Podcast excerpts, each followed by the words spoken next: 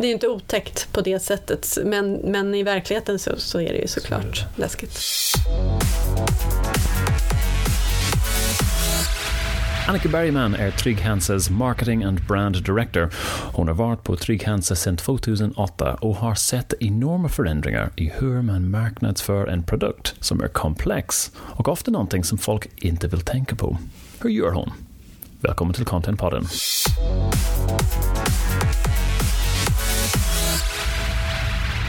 Annika Bergman, Marketing och Brand Director Trygg-Hansa. Jättevälkommen till Contentpodden, först och främst. Tack så mycket. Du har jobbat nu sedan 2008 mm. med Trygg-Hansa. Mm. Vad är den största skillnaden? Mm. Var har du sett kommunikation eller marknadsmässigt de mm. största skillnaderna sedan 2008 och, och idag? Det händer ju enormt mycket nu och det har ju gjort det de senaste åren i det digitala. Det, det, har ju hänt under en mycket längre period men jag tycker att framförallt de senaste åren har det ju skett lavinartat. Eh, alla kanaler som liksom växer upp som svampar ur jorden. Så hela den liksom omvärldskartan har ju på något sätt ritats om väldigt tydligt tycker jag. Och det är väl, ja det är väldigt tydligt när man jobbar med marknadsföring och försöker nå fram till konsumenter och företagare i ett enormt stort brus då, som vi pratar och tjatar mycket om. Det är väl det som har varit tydligast för mig. Och då, då kan jag ju också relatera till att jag jobbar med marknadsföring i ja, runt 20 år. Och, yeah. och ser man liksom över den perioden så är det ju en extrem skillnad idag. Just kanalmässigt och nå ut till människor, nå fram till människor. Vart, vad ska vi använda, var, var ska vi liksom ta oss fram någonstans för att nå hela vägen? Var det lätt att nå ut för, för 20 år sedan då? Ja, men, ja, nej kan man väl säga. Det är mycket roligare nu för det finns ju mycket mera eh, många mera vägar att tänka på och som marknadsförare är ju det som egentligen är det roliga. Att, att man liksom hela tiden får lära sig nya saker, upptäcka, hitta nya vägar. Utmaningen är ju att de är så många. Eh, och på det sättet kanske det var lättare då för, för 20 år sedan för det fanns inte samma det var inte lika svårt. Ehm, vi pratar mycket om, på Trygg Hansa är vi ju väldigt stolta och glada över reklam som gjordes av Roy Andersson på 80-talet och den är ju väldigt känd och alla tycker ju om den och vi får om och om publicera den här, liksom lägga ut den på vår Youtube-kanal och sådär för folk efterfrågar och vill se det. det ehm, och den pratar, det pratar vi mycket om, det är ju fantastiska filmer i, i liksom kärnan i dem är ju jättebra. Men det, de verkade ju också i en tid då det, inte, då det var roligt verkligen att gå yeah. på bio och se reklamen. Man bänkade ju sig liksom för att se reklamen. Idag är inte det på samma sätt. Så det var ju lite lättare att få genomslaget och kanske gå det, nå fram till människorna då men, mot men nu. De fungerar till, men, till mm. och med idag. Det vill säga, mm. de finns på Youtube idag mm. och det är mm. rätt så många som tittar på dem ja, fortfarande idag. Så. Det är det absolut. Sen vet jag inte om det är en generationsfråga till någon sån här vi, vi eh, 70-talister som liksom har någon sån här barndom, så får de gå tillbaka till barndomen ja. när vi ser de här. Eh, dels är väl det då, men sen är det ju också många så säga då, yngre människor som inte var med när de gick på bio som också tycker om dem och vill se dem. Jag kan säga att att jag kommer mm. från Irland och hade ingen ja, referenspunkt till Roy Andersons Trygg reklam. Men när, så snart vi skulle prata med dig, eller vi visste vi skulle prata med ja. dig så blev jag visad av alla mina kollegor här på jobbet. Ja, du måste se de här Nej, filmerna. Så jag hade inget val. Och, och de är roliga, exakt. Ja, de är ju väldigt lätta, enkla, ja, faktiskt, ja. inte komplicerade på något sätt. Och de bygger ju väldigt mycket då på drullighet och enkel humor. Just mm. Men det kanske har lite med det, som sagt, det, det är charmigt på något sätt därför att det visar en annan tid eller en annan ja, Sverige. Eller, visst, eller, absolut. Den största utmaningen då i din roll idag, vad, vad ser du som den största utmaningen? Det, jag får väl koppla det då till det vi pratade om ja. med, med mycket kanaler. Svårighet att därmed kanske nå fram till, eh, till konsumenter. Att precis veta vad fungerar och vad fungerar inte. Men samtidigt, så, det jag tycker är viktigt att trycka på det är att det här är ju också oerhört roligt. Det är ju kul att det finns, att vi får lära oss nya saker hela tiden. Att vi får liksom testa, lära. Det är ju en del av en marknadsföringssjäl, liksom, att testa och lära och förstå.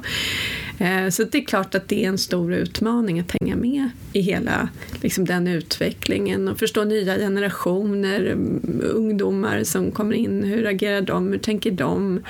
Eh, det, det är en utmaning, men en rolig utmaning skulle jag säga. Men eh, organisationen också. Ja. Men, jag tycker att vi ser det i alla fall som en content bureau ibland när vi pratar med företag, att just den interna organisationen har Mm. inte sort of anpassat sig till den digitala sort of förändringar som har skett. Eller det, det finns alltid en sort of marknad och kommunikation. Ja, just Ut- hur ser det ut hos er? Ja, nej men det tycker jag det är absolut en, en eh, bra observation som jag också tycker att det pratas mycket om och har gjort de senaste åren. Hur, hur marknadsavdelningens roll förändras, hur eh, marknadschefers roll förändras.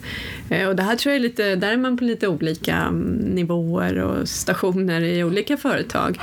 Vi är ju i grunden en matrisorganisation Eh, och det kanske kan, på ett sätt är en bra förutsättning just för att det handlar ju om att mycket mer börja samarbeta. Samarbete har man ju alltid gjort men kanske ändå mer och närmare interagera mellan avdelningar och kanske lite liksom få bort den här silouppdelningen Okej. som är mellan eh, olika avdelningar. Då handlar det ju väldigt mycket om marknadsavdelning, kommunikationsavdelning, säljavdelning, Sälja. även IT eh, är ju såklart, och produkt, där man måste jobba mycket mer eh, närmare varandra. Så jag, vi, vi är uppdelade i såklart då i olika avdelningar, Ja. men vi jobbar ju konstant med att försöka, och vi diskuterar väldigt mycket hur vi kan komma närmare varandra, ha gemensamma såklart målsättningar och arbetssätt. Men det, är, det, det har blivit mycket mer tydligt att Okej. man behöver göra det. Absolut, med den utveckling som vi befinner oss i. Just det. För hela företaget. Så matrisorganisationer är kanske lösningen då? Ja, det Om finns ju för, för och nackdelar Ja. med matrisorganisationer men det kanske kan finnas eh, en liten fördel i det att man Just är det. ganska van vid att jobba över, över gränser och med Just det. olika då chefer på det sättet. Absolut. Cool. Ni arbetar både business to business och business to consumer. Det måste vara ganska stora skillnader där. Men du, du kanske kan förklara, hur, hur jobbar ni mot, mot B2B och sen mot B2C? Mm, absolut. Jo, dels så jobbar ju vi mot eh, så att säga hela marknaden såklart med vårt varumärke. Så det är ju övergripande oavsett om man är företagskund eller om man är privatkund. Sen jobbar vi ju då riktat mot de här olika grupperna och eh, det är ju det är både, både lika och inte lika. Om man tittar på business to business-sidan så har ju vi en ganska stor grupp med småföretagare som vi jobbar eh, med att nå. Ja. Och I Sverige så har vi väldigt mycket småföretagare, det är nästan en miljon, det är väl runt 800 000 småföretagare i Sverige. Så det är ju en massmarknad. Eh, och de småföretagare är ju, man, man är ganska nära sin egen plånbok, man agerar och tar beslut mycket mer som den pri- privatperson man också är. Så där blir det har vi lärt oss, i alla fall det är vår erfarenhet, där blir det egentligen att kommunicera eh, och marknadsföra sig på ett ganska likartat sätt som eh, mot en En konsument. konsument och konsumentsidan. Så där jobbar vi ganska liksom från då privatsidan över till småföretagare som en, en grupp, fast Just vi riktar det lite olika. Sådär. Men, men de, där är det ganska lika. Men sen går man över i de lite större företagen och även då som vi har, där vi riktar oss mot det som kallas försäkringsmäklare, där det blir mer då, där, där det krävs lite annan kommunikation och det också handlar mycket mer om relationsmarknadsföring där man kanske har faktiskt träffats rent fysiskt. Vi har säljkår såklart och vi har olika experter och besiktningsmän som är ute och träffar de här företagarna. Så där hjälper ju vi från marknadsföringssidan till med att göra de mötena så bra som möjligt genom kommunikation eller bra st- stöd och material och så vidare. Eh, Så det, det är ju lite olika, lite olika förutsättningar eller syften med, med marknadsföringen och kommunikationen. Det, är det svårare? På, på ett sätt känns det svårare därför att man bygger på relationen. Men ni kan hjälpa till ett visst sätt men det är ju relationen mellan Mm. Absolut. säljaren eller besiktningsman och, och företag eller mäklaren. Så är det ju. Och sen det, ser ni inte ens slutkunden heller. Nej, i försäkringsmäklarfallet så ser vi inte slutkunden utan då pratar vi med försäkringsmäklaren bara. Eh, Men visst är det svårare, visst är det det. Och där är det ju verkligen våra jätteduktiga säljare som är eh, kittet så att säga Mm. till, till kunden. Ehm, Så det, det, det är ju komplexare. Dels, dels är det mycket mer komplexa produkter eh, för du har något annat komplext du försäkrar. Så det kräver ju mycket av våra, vår personal som jobbar då direkt med kunderna, men också av oss på marknadsavdelningen, att vi förstår och kan hjälpa till att kommunicera och sätta ord på Just det. det. Eh, Men är det fortfarande tryckta broschyrer som gäller att, att lämna i handen av företaget eller är det bara digitalt idag? ja. Hur ser det ut? Ja, det är en bra fråga. Jag tror att vi människor traditionellt fortfarande, just när man är ute i säljmöten så håller man sig gärna fast fortfarande vid en tryck, tryckt produkt. Eh, Men vi har, jobbar jättemycket och har haft en, ett stort arbete nu de senaste åren med att gå över mycket mer till iPads eller olika, den typen av tekniska lösningar där man kan presentera och visa. För det är ju mycket man behöver ofta eh, visa och förklara saker. Absolut. Så att man, men vi, vi försöker gå över till teknisk, tekniska lösningar Det behöver pappers. inte bli fel att ha en tryckt produkt. Men ni var, ni var, ni var ganska tidig för att ta bort en kundtidning och gå digitalt, vilket var kanske rätt. Men det är mycket möjligt att på business to business, I mean, jag vet inte, över business to business-fallet, det kanske ska ha någonting att, att lämna kvar efter ett, ett möte. Ja, det finns väl någon, någon psykologi i det Ja. på det sättet att, att pappersprodukten som sådan kanske inte är det viktiga, mm, alltså innehåll och sådär, men det är mer någonting man lämnar ifrån Ja. sig, någonting som finns kvar och som man också kan peka mot när man ringer tillbaka. Eller så. Så att den kan ju ha andra finnas av andra anledningar på det sättet. Men Business to business, de Mm. kräver mer detaljer också. De vill gå in i de tekniska detaljer eller på ett Ja. annat sätt eller är det likadant? Det är lite, så är det ju lite mer absolut, att man vill ha mer detaljer. Men även på business to business-sidan så finns det en, en önskan om det som vi kan se när vi undersöker och, och försöker förstå eh, mer då komplexa företags eh, företag som köper försäkringar, det är det att de säger att de vill ha en affärspartner. De vill ha Okej. någon som hjälper, som rådger. De, vill, de har inte tiden ofta. Det, Om okej. du inte kommer över till riktigt stora företag där man har då en person som verkligen är anställd. Typ. Ja. För, precis, för att hantera försäkringen. Det är inte så jättevanligt. Men det finns ju också. Men om man inte är på dem, vänder sig just till de specifika företagen, då sitter det oftast personer som har försäkringsfrågan som en del av en massa andra saker på sitt skrivbord. Och då, då hinner den inte riktigt sätta sig in på djupet, utan då vill den ha en nära relation, någon som den kan lita på att den hjälper jag, behö- jag vill inte ha den här huvudvärk så när någonting Nej. dyker upp så vill jag ha någon från Trygg-Hansa. Precis, men man vill ju, det är generellt från privatperson till företagare, man vill känna sig rätt försäkrad. Ja. Det är viktigt. Och det är det vi kan förmedla. Det behöver inte betyda att jag själv som person har 100% koll på alla försäkringsvillkor. Men jag vill känna mig trygg i, och därför är också varumärket väldigt viktigt. Att man känner att det här är ett varumärke som jag kan lita på. Tryggheten är viktig i försäkringsbranschen. Absolut. Ni har varit med länge. Hur länge har Trygg-Hansa varit med? Ja, vi har ju Funnits. anor från 1828. Så ni tänker vara kvar ett tag till då? Ja, det hoppas jag absolut. Eh, Men vi har ju funnits som eh, företagsnamnet Trygg Hansa uppstod ju på 70-talet. Ja. Eh, Innan hette vi Hansa. Och så. Men vi har ju funnits väldigt, väldigt länge. Men du nu som jobbar mycket med branding också, men Ja. hur viktigt är det just att behålla namnet och inte byta namn hela tiden? Men Eller är det, är det väldigt viktigt för varumärket eller kan en varumärke överleva och, och ändra namn? Och... Ja, men det har vi väl sett absolut företag som har lyckats med det.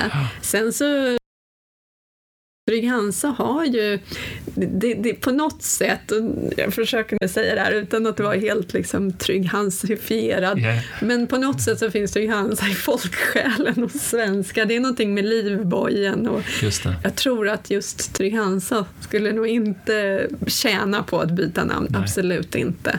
Eh, nej, jag skulle säga att det finns så mycket uppbyggt i, i namnet, i symbolen, i livbojen. Alltså, den, den är ju, det finns ju något ikoniskt nästan över våran symbol och våran logotyp. Bra. När det gäller just skiftet nu mellan så köpt media, Mm. förtjänt media, you know, PR, press, eh, media och sen eh, reklam. Men hur ser Mm. du på den, här- den slags skiftet och, och förändringarna som finns där? Vi pratar mycket om det hos oss och vår filosofi är ju att försöka arbeta såklart genom alla kanaler. Alla kanaler är super, super viktiga.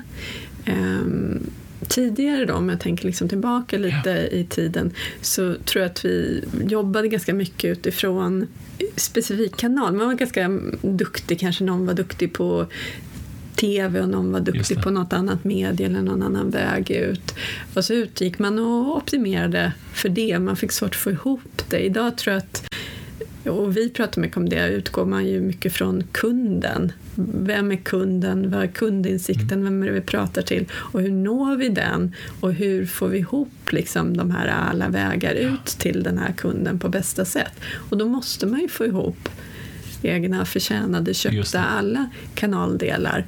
Så att man inte så att säga optimerar enskilda kanaler utan man optimerar på kund så att ja. säga. Det här har vi pratat mycket om för att det är ganska intressant när vi pratar om business to business och business to consumer. Ja. För att en, en person kan ju vara både småföretagare och privatperson. Ja. Och som vi har varit organiserade tidigare så har ju vi haft olika personer som har jobbat mot småföretagare och en annan som har jobbat mot privatpersonen. Och då innebär ju det egentligen att vi kan rikta olika budskap och göra olika aktiviteter på precis samma, samma gång om vi inte håller tungan rätt i mun, vilket man inte alltid gör. Och det här har vi tittat på mycket och hur, hur kan vi förändra oss? Och det handlar om organisation och så också. Så att, viktigt tycker jag att utgå från kunden och kundinsikterna och därifrån använda sig av kanaler på bästa sätt. Och då spelar det ju inte så stor roll liksom, det. om vilken, det, kanal vilken, vilken typ av kanal, eller, utan bara den är den bästa. Och att man också får ihop det att man kan förstärka det man vill prata om. Vi jobbar mycket med teman och kreativa idéer och så försöker vi ta ut den, det temat eller den kreativa idén då genom alla kanaler för att få en så stark effekt och genomslag som mm. möjligt. Och då är det också viktigt att man liksom startar i kunden. Vad, vad, tycker den här, vad är viktigt att prata om till den här målgruppen? Eh, och sen så får vi bygga på med alla våra olika kanaler. Så där jobbar vi också pratade tidigare om olika avdelningar och så där. Där är det viktigt då att vi jobbar tätt mm. tillsammans eftersom vi är så att säga, lite, lite mer, någon jobbar lite mer läge, lite mer någon viss typ av kanal och en annan avdelning några andra och då måste vi få ihop det. Men ni måste sätta i alla fall ihop någon slags tema. Det här är en, en viss kund ja. och det är det som är intressant för dem mm. och så ska vi alla tänka nu hur ska vi nå den här Precis. personen och då kommer man in, kommer, kommer in från de olika vinklar helt enkelt, en PR eller en reklamvinkel Precis. eller en, en TV. Eller, ja. Precis, ett bra exempel är väl eh, nu under sommaren så har ju vi jobbat med, vi kallar det ju då livbojstema eh, eller vattentema kan man också säga. Vi har ju då, som vi pratade om tidigare, vår allra käraste varumärkessymbol, livbojen. Vi, vi delar ju ut livbojar, vi har delat ut, eller vi har 80 000 livbojar utställda yes. över hela Sverige. Eh, vi har delat ut 200 000 över 60 år, så enormt mycket livbojar som vi delar ut till allmänna badplatser yeah. och båtar, båtplatser. Jag har sett dem, ja. Ja, de flesta har det och börjar man tänka på det så förvånas man över hur många det är. Och det här är väldigt uppskattat. De är väldigt uppskattade och de är ju viktiga också. Det är ett livräddningsredskap. Men de är också förknippade med, det är någon sån här sommar, Sverige och härlighet yeah. över livbojen som vi gärna vill därför jobba med. Innan sommaren här så tog vi beslutet, någonstans långt innan sommaren, att det här var ett viktigt tema för oss. Och då tittade vi på vad, betyder, vad är det här temat, liksom, vad är det vi jobbar med? Men det är vatten och det är både det är både sommaren och glädjen och det är vattensäkerhet och trygghet vid vatten som ryms inom, inom det här då temat eller den här liksom spelplanen. Eh, och därifrån startade vi och så tittade vi på våra olika specialiteter, alltså vad vi jobbar med inom olika avdelningar. Hur kan, hur kan vi på marknadsavdelningen ta ut det här i kanske någon varumärkeskampanj eller yeah. hur kan man ta ut det mot en specifik kundgrupp? Hur kan man jobba mer emot eh, genom våra, våra PR-aktiviteter och så vidare eller i vår content och innehålls och storytelling-delar. Eh, och det, det, är kul för att det innebär att vi alla liksom samlas kring någonting och man får en mycket större kraft också ut. Det blir inte så, så spretigt då, utan man håller sig tillsammans kring någonting även om man tar ut på lite, lite olika sätt utifrån de förutsättningar där man ska ut och kommunicera och de kanaler man ska ut i. Så det det har ju varit... Och slutresultatet har blivit de kampanjer Ja. Don't drink and dive och Vi som aldrig eller sett havet. Eller, Just det. Just det. Ja. Du kanske kan förklara lite om själva kampanjerna, bägge två. Det, bägge Ja. två är väldigt intressanta. Jo, men precis. Det som kom ut av det här arbetet då var ju eh, en mängd kommunikationsaktiviteter och det som kanske har setts och varit störst är ju såklart de rörliga delarna, eh, filmerna som vi har gjort i det här. Eh, den ena delen då, Vi som aldrig mött havet, har ju gått i tv och många digitala rörliga plattformar. Och den handlar ju om människor som faktiskt aldrig har upplevt havet. De har alltid på något sätt haft en dröm och en tanke om att, att uppleva havet. Ja. De kanske har sett det någon gång, åkt förbi med tåget eller liksom ja. korsat med någon färja. Sådär. Eh, det, var ganska, det var en ganska intressant idé när den kom upp sådär för att vi var så förvånade när vi hörde den. Det var så, men alla har, alla har väl varit vid havet? Ja. Det finns väl ingen som i Sverige, i Sverige, inte ja. har upplevt havet. Men så började vi undersöka det här. Det visade sig att det är ganska många människor som inte har gjort av olika anledningar. Och just få följa de människorna och vara med i den upplevelsen var jättekul och det förstärker ju också allas vår an, andras känsla för ja, men havet och hela det liksom badlivet. Allt. Det är ju fantastiskt, man tar det lite för givet. Det. Det Eh, ganska- Det satte fokus på, på en härlig, ett härligt ämne. Just det, men det, det var en ganska intressant mix tyckte jag mellan just content marketing och reklam på något Mm. Ja, sätt. Därför att man, man, använder, eller man distribuerar den nästan som en reklam, men man förstår att det här är mer dokumentäraktigt och det är ju, det är ju en Mm. Ja. story. Och det, jag menar, det är något ni försöker göra, därför ni har gjort det flera gånger tycker jag. Det Ja, det är ett intressant sätt att, att prata om. Det här var ett ämne som inte gick att prata om på ett annat sätt. Det gick inte att göra en, en, Nej. liksom en spelfilm om något sånt här, för det skulle ju inte bli trovärdigt. Eller hur? Man Absolut. reagerar precis som Absolut. vi gjorde. Så här, nej, men det finns väl inte. Det, går inte att göra reklam för att beskriva det, för det ska man inte tro på. Så det var ju viktigt att det fick en dokumentär Ja. känsla och det var ju också gjort med en dokumentärfilmer och helt liksom så att, det är inte så att det är vårt grepp att vi alltid Nej. jobbar med dokumentärfilm men det beror ju på vilken idé man har och vad det är man vill skildra. I det här fallet var ju det greppet självklart det. och väldigt viktigt. Har den haft bra effekt? Ja, väldigt, väldigt positiv. Och just som jag sa, det är någonting med, ja dels är det någonting med havet och sommar för oss svenskar. Det är ju väldigt härligt och laddat. Jag, tror att svaret är just vintern, det är därför sommar är så Eh, viktigt för svenskar, eller hur? Exakt, exakt. Så att vi längtar ju och ser fram emot det här. Så att det är klart att det är ett härligt ämne prata om. Men också just den här ja, känslan som finns för livbojen som en del i av den svenska naturen på något sätt. Det, det var också något som vi fick väldigt mycket. Och många som faktiskt återkopplade med liksom små historier och berättelser om deras Ja, okej. eh, relation till bojen eller till vatten. Mycket positiva, fina kommentarer. Det var jättekul. Kul. Eh, Den andra som ni hade var Ja. den här Don't drink and dive. Jag tyckte det var Precis. ännu mer kraftfullt. Ja, ja. du kan berätta, jag är jätteintresserad av att se vilken har haft en större effekt. Men, eh, men berätta gärna om den först.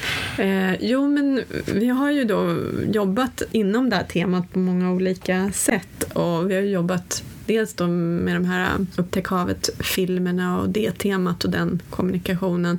Sen har vi ju också en annan det, det handlar ju mer om härligheten och sommaren och hela den. Sen har vi ju den, den sidan som kanske handlar mer om vattensäkerhet. Allt det här ligger ju liksom inom samma tanke men där vi försökte då sätta fokus lite mer på vattensäkerhet och då vi vet att det är väldigt vanligt att alkohol har, ligger bakom olyckstillbud till sjöss så var det ju något som vi då ville sätta Lyfta. lite spotlight på och därmed gjorde vi den här filmen som vi nu kallar Don't Drink and Dive Yes. Eh, som visar då på eh, konstsim, herrkonstsimlag som, som faktiskt får dricka alkohol och se hur, hur, hur funkar det då? Hur går det att konstsimma när man är lite, lite påverkad eh, under ordnade, kontrollerade former såklart. Och så filmade vi det och det, det är ju Det spårar ur hyfsat. det, det spårar ur, ja, och är ju tydligt vad som, hur det faktiskt kan gå och hur Ja. viktigt det är att tänka på det här att Just det kanske inte är helt, helt bra med alkohol i Absolut. kroppen när man ska Ja. ut och simma. Båda de här eh, delarna är ju väldigt, det bygger ju väldigt mycket på emotionella eh, tankar eh, och man berör ju någonting. Och det här är ju något som är jätteviktigt för oss att beröra och att jobba med det emotionella. Så att den har ju absolut fått väldigt mycket spridning just för att det berör men också för att det är ett ämne som på något sätt inte kittlar. Men det är någonting där med alkoholen att det spårar ur och, och hur knasigt det kan gå. Men samtidigt är det ju jag ska inte säga under glada former, men Absolut. Men det, är inget en... det är inte otäckt på det sättet, men, men i verkligheten så, så är det ju såklart så det. Ja. läskigt. Men så ser man en skillnad i, i försäljning på like, Trygg Hansa när man gör en sån mm. kampanj? Eller ser man att den funkar bättre än den andra eller är det snarare en, sort of en långsiktig varumärkesuppbyggande Aktivitet. Ja, vi kan inte skilja på de här två liksom, filmutspelen inom temat. Det är ju svårt att skilja, skilja så. Utan det, där är det ju mer att vi jobbar med olika utspel inom temat och så tittar vi ju på temat. Hur har det fungerat? Eh, det som är intressant och som jag tycker är kanske ibland vi, vi glömmer bort är att det faktiskt fungerar väldigt bra att jobba varumärkesbyggande eh, även när man kopplar det ner mot försäljning. Förlåt, eh, förklara. Du... Mm. Jo, det jag menar är att ibland så som marknadsförare, det är ju lättare ofta att kanske mäta en direkt säljdriven marknadsföringsaktivitet yeah. ner mot försäljningen och det är kanske lättare att också argumentera och prata kring den där du direkt liksom kan visa men vi gör det här så säljer vi det här. Eh, kanske lite mer då proposition-driven eller taktisk yeah. säljdriven marknadsföring eh, och att man kan få mer svårigheter i då den här större varumärkesbyggande marknadsföringen yeah. att koppla den ner mot eh, vilka faktiska försäljningsresultaten ger. I det här fallet har vi faktiskt flera via flera kanaler där det går att mäta lite lättare kunnat sett, sett hela den liksom, kopplingen. Okay, yeah, yeah. Och det, var, det, är, det är viktigt att kunna se det, att man kan få effekt på kort sikt. Annars pratar man ju ofta om att det ger effekt på lång sikt, yeah, men att det även finns effekt på kort sikt. Så för vår del så har det här varit väldigt bra, bra. ur företagsförsäljningsperspektiv.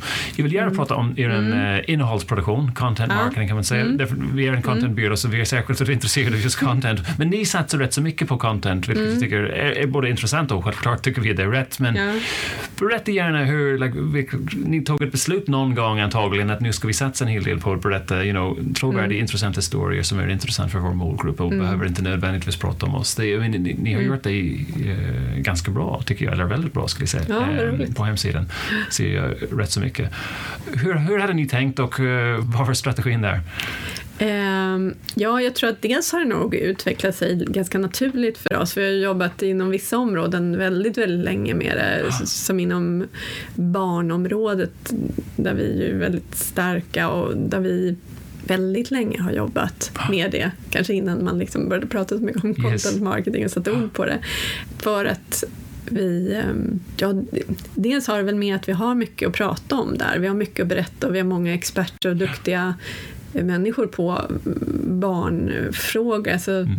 Dels då barnförsäkring såklart, men då relaterat till eh, olika barnutmaningar. Yes, alltså yeah. vad det nu är. Ja, ja, ja. Allt från pedagogik till, till sjukdomar och allt.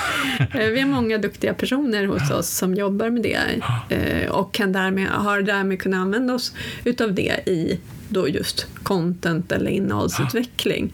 Och har därför gjort det inom vissa områden väldigt länge och såg ganska tidigt också väldigt positiva effekter av okay. det här. Så det är ju något som vi har sen bara fortsatt att utveckla mot andra målgrupper okay. också. Får ni många läsare till era sajter eller besökare? Ja, vi har mycket, vi har mycket besökare till vår sajt, okay. absolut. Eh, sen har ju vi, just när vi pratar om innehållsdel, så har ju vi eh, olika Dels har vi vår stora så att säga, egna sajt. Sen har vi ju andra plattformar också där vi till exempel har eh, Trygga Barn som är en plattform där vi ja.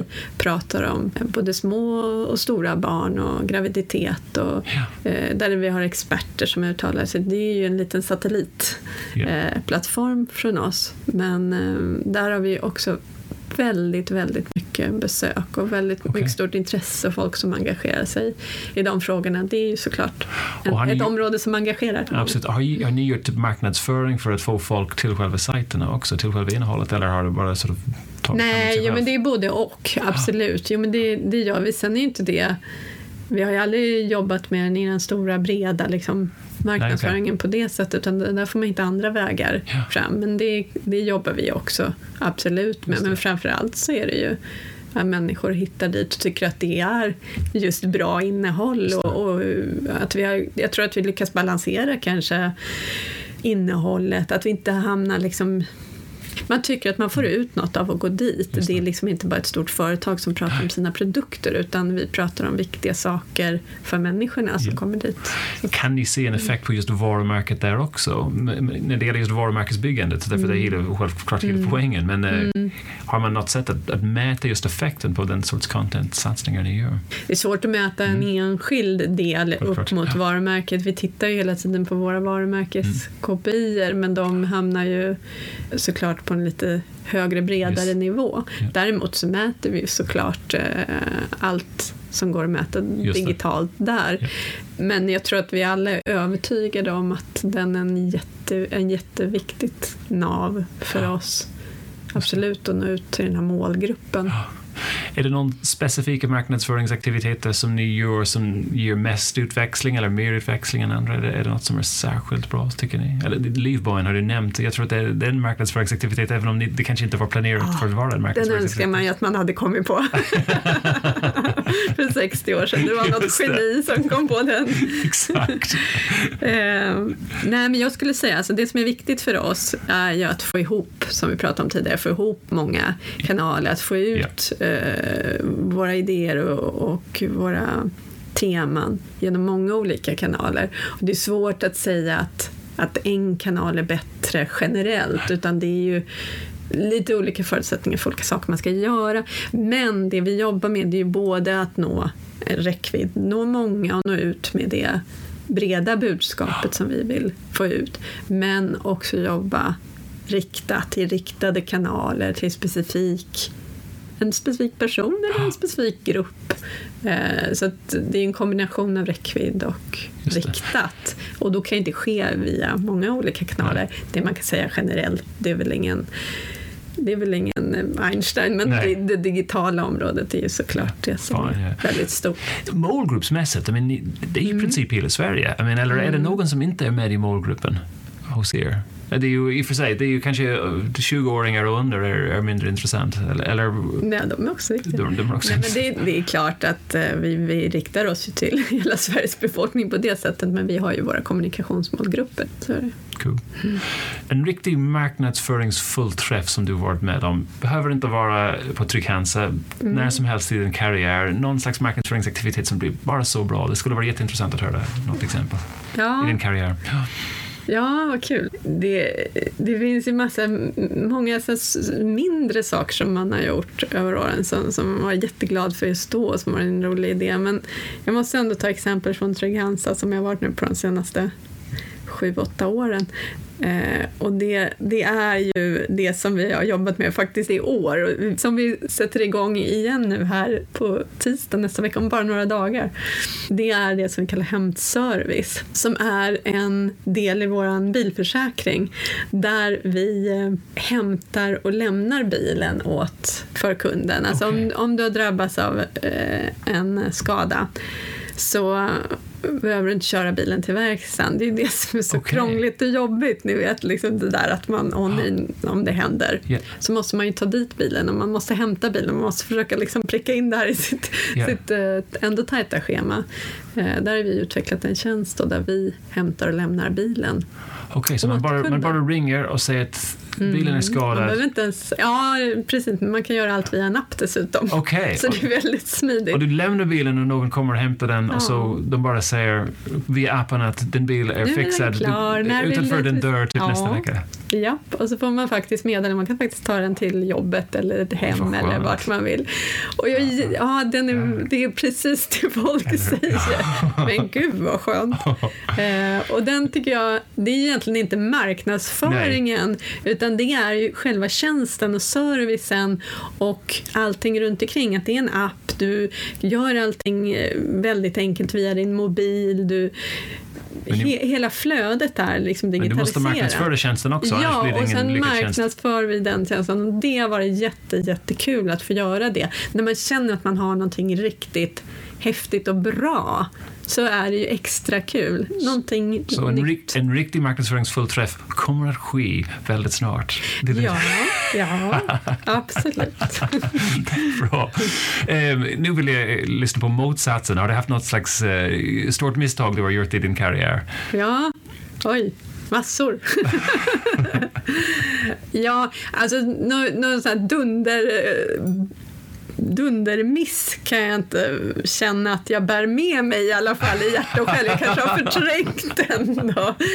Eh, men det är inte något som jag går och känner någon stor ångest över. Men däremot så har jag ju såklart gjort misstag Absolut, men kanske, som kanske då i stunden har känts väldigt stora. Men så här med lite perspektiv har man insett att det inte var så, så farligt. Och då handlar det väl mer, har det mer handlat om sådana saker som jag minns att vi satte fel, eller vi tyckte inte att det var fel rubrik på ett brev, men uppenbarligen så, så funkade inte den rubriken okay. och vi fick ganska många kunder som ringde in, in till kundservice och, och undrade hur, hur, hur, tänkte ni hur tänkte ni nu och hur ja. kunde ni uttrycka er så här? Och först när de ringde in och sa det så läste vi liksom rubriken ur det perspektivet så att säga, då kunde vi se, ja just det, så här kan ju det här uppfattas som. Så, att, eh, så det har hänt, det kan vara... Kan, ja, kan man lära sig någonting Absolut, absolut, det är det man gör, det är det jag tycker är så viktigt.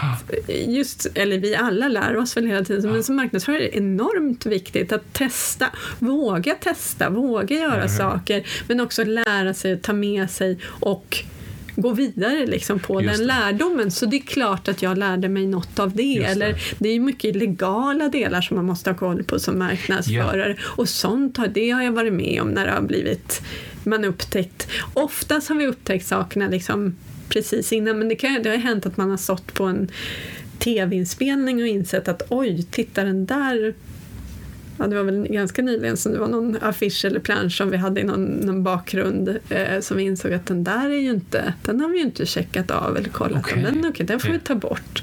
Små saker som ändå är väldigt viktiga att ha koll på och som kan bli stora. Just det. det, det för jag tänker, när jag tänker på en felrubrik till exempel mm. och sen eh, mm. det går åt fel håll. Mm. Enda oro jag skulle ha är att mm. inom en organisation, nu blir mm. man lite orolig när man sätter rubriker medan man ska egentligen våga testa lite som du säger. Det vill säga ja. att det, finns en risk att Absolut. just nu har vi gjort fel, vi vill inte göra fel igen, så nu är vi lite för försiktiga och, och, och vågar inte sort of satsa med någonting som är ja, kanske lite mer kontroversiellt i en rubrik. Nej, ja precis. Nej, men visst, det har du helt rätt i. Man får ju inte bli liksom för rädd för att kommunikation och marknadsföring får alltid reaktioner. Alltså positiva och negativa. Det. Och det är väl en, också en lärdom som man liksom bygger upp att vi ju mer man jobbar, ju längre tid man jobbar, yeah. så får man någon slags, här, vi, vi, vi kommer att få ja eh, nästan vad vi än säger, hur okontroversiellt det yes. är, så får man reaktioner eh, som,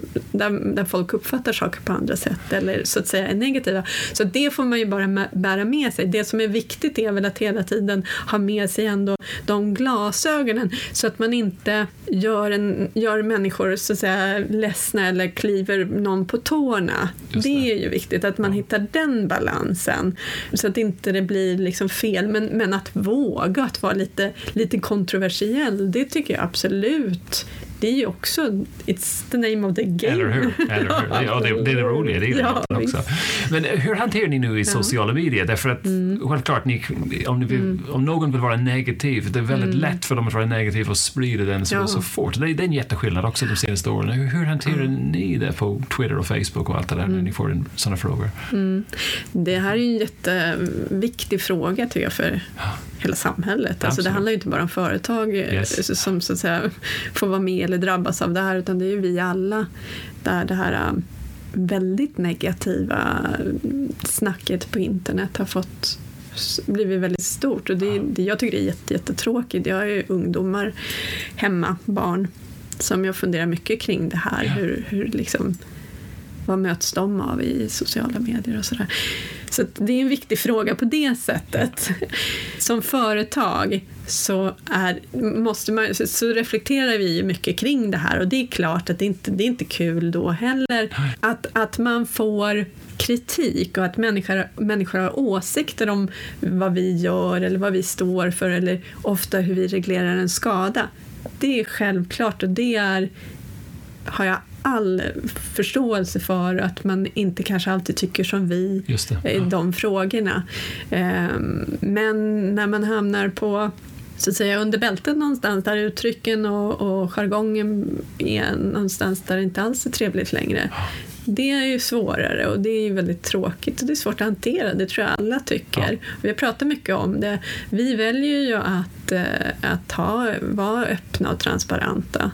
Men visst har det funnits stunder då man känt att nu kanske det fungerar inte längre att vara så öppen Spelar och transparent. ingen roll vad man än säger. Nej, för att det finns en viss mängd personer som, som, som bara återkommer och skriver de här tråkiga sakerna, kanske oavsett om det är Trygg Hansa ja, eller exakt. vilket företag det är. Ja. Så det är en svår fråga tycker jag. Mm. Men vi hanterar det genom att svara och finnas tillgängliga och vara öppna ja. ändå.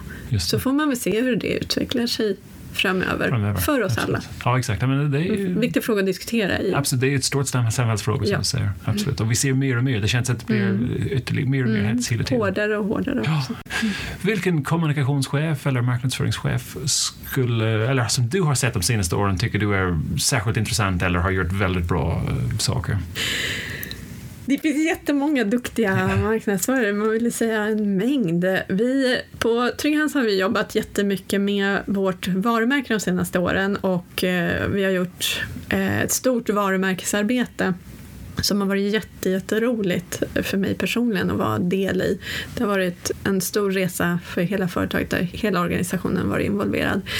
Ehm, det som vi då pratar om mycket i det här varumärkesarbetet är ju service och servicebolag och kundupplevelse. Det är det centrala eh, för oss.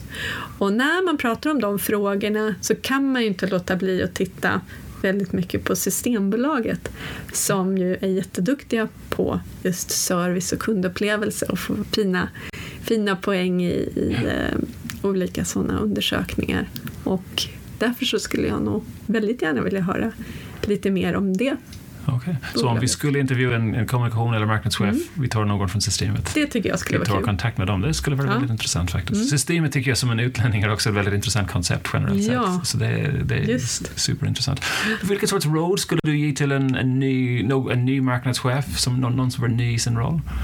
Du skulle mm. ge dem lite råd? Lite råd? Ja, då skulle jag nog säga, det är lite olika vad man jobbar och vad man jobbar för typ av företag och storlek på företag och sådär. Men generellt så kanske det som vi pratade om alldeles nyss, våga. Absolut våga och våga sticka ut och våga våga ha idéer och vara innovativ, absolut. Eh, men också kanske vara duktig på att samverka. Speciellt då i större företag där det är många olika personer och avdelningar som man som marknadsavdelning behöver ha en, en bra relation till och, och jobba tillsammans med. Det skulle jag nog satsa på eh, direkt om jag var ny i rollen. Att, att lära känna och få med alla olika avdelningar på tåget. Bra. Mm. Jag, jag, vill gärna gå tillbaka till, jag hade mm. tänkt ställa en sista fråga men nu kommer mm. jag att ställa en till. Ja. Och det, du nämnde den här varumärkesresan som ni har mm. precis varit med om, en ganska stor resa. Jag är lite nyfiken, men var har ni kommit ifrån och till? Antagligen mm. till någonting som är mer kundupplevelse och serviceinriktat, men mm. hur har resan varit då? Och förklara resan. Ja, ja absolut. Men det har varit, för det första igen då, det har varit jättespännande, roligt arbete som vi har jobbat med väldigt mycket, hela organisationen från alla medarbetare upp till koncernledning och, och alla brinner mycket för för det här och den resa som vi är på. Eh, det man kan säga är ju att, som vi konstaterade tidigare, så har Trygg Hansa funnits som bolag väldigt, väldigt länge. Eh, och vi har, kan titta då över en lång historik hur vårt varumärkes plats i, i samhället och i Sverige har sett ut. Och där, där har det förändrat sig över tid. Där vi hade en position eh, på 70-talet som förändrade sig ganska radikalt under 80-90-talet och vi var med om mycket organisationsförändringar och företagsuppköp och sådana saker i våran inom vår verksamhet. Vi ser ju någonstans att vi nu vill knyta tillbaka till den styrka och det, det som fanns tidigare som handlar väldigt mycket om just proaktivitet, finnas där nära människan och att jobba absolut väldigt nära och mycket med kunden i centrum. Det ligger ju väldigt centralt för oss nu. Eh, det är ju också en förflyttning som alla företag Jajamän. gör nu. Vi har alltid, alla har ju alltid pratat om kunden såklart, men jag tycker att den att sätta kunden så tydligt i centrum som man gör idag, det tycker jag att man aldrig har gjort förut. Att man verkligen funderar, vad är det viktiga och hur ska vi verkligen som företag agera och utvecklas för att göra och skapa den bästa kundupplevelsen. Så att det är väl det som vi tittar väldigt mycket på. Cool. Och hemservice är ett bra exempel. Ja, Ett slutresultat av det. det är det faktiskt. Det är en del i hela det varumärkesarbetet. Det var att identifiera just det här är något som kunderna vill ha och som vi kan avlasta dem Så det var det del. glädjer mig kan jag säga. Jag tycker att Sverige generellt sett Ja. har legat lite efter när det gäller serviceinriktad, you know, mot om man tänker Mm. på USA som var super serviceinriktad Just det. hela tiden. Så jag tror att det känns att Sverige kommer ikapp nu. Och, och en sån tjänst låter så fantastiskt skönt, så det, det är väldigt bra. Nu, jag har en sista fråga som Ja. är, är vår pest eller kolera fråga. ehm, som jag, kan, jag vill bara flagga i förväg, jag kommer inte på den här frågan. Men du har två val här nu. Kommer, du, du ska Ja, jag kommer ge dig två val. Du måste välja en eller den andra över hur du vill göra marknadsföringsmässigt. Du, du måste nästa år antingen byta bort Leaveboys-loggan mot en donut eller bara kommunicera i sociala medier men får bara använda rövarspråket. Du måste välja en av dem som en, en, en stor marknadsföringsinsats nästa väl- år. Oj, jag tror jag redan har, de, de var ju helt omöjliga båda vägarna. Helt omöjliga, ja. Helt omöjliga. Men jag tror jag redan har svarat på det tidigare i intervjun. Det går ju inte att byta bort livbojen. Så det blir rövarspråket nästa Ja, år. det får bli rövarspråket. Jag ska gå hem och öva med barnen. Annika Bergman, stort tack. Tack så jättemycket. Contentpodden kommer från contentbyrån Breed. Mitt namn är Colin O'Callaghan och du hittar oss på LinkedIn, Twitter och breedcontent.se. Gå gärna in till iTunes och rata oss där också. Vi lyssnar gärna på er feedback.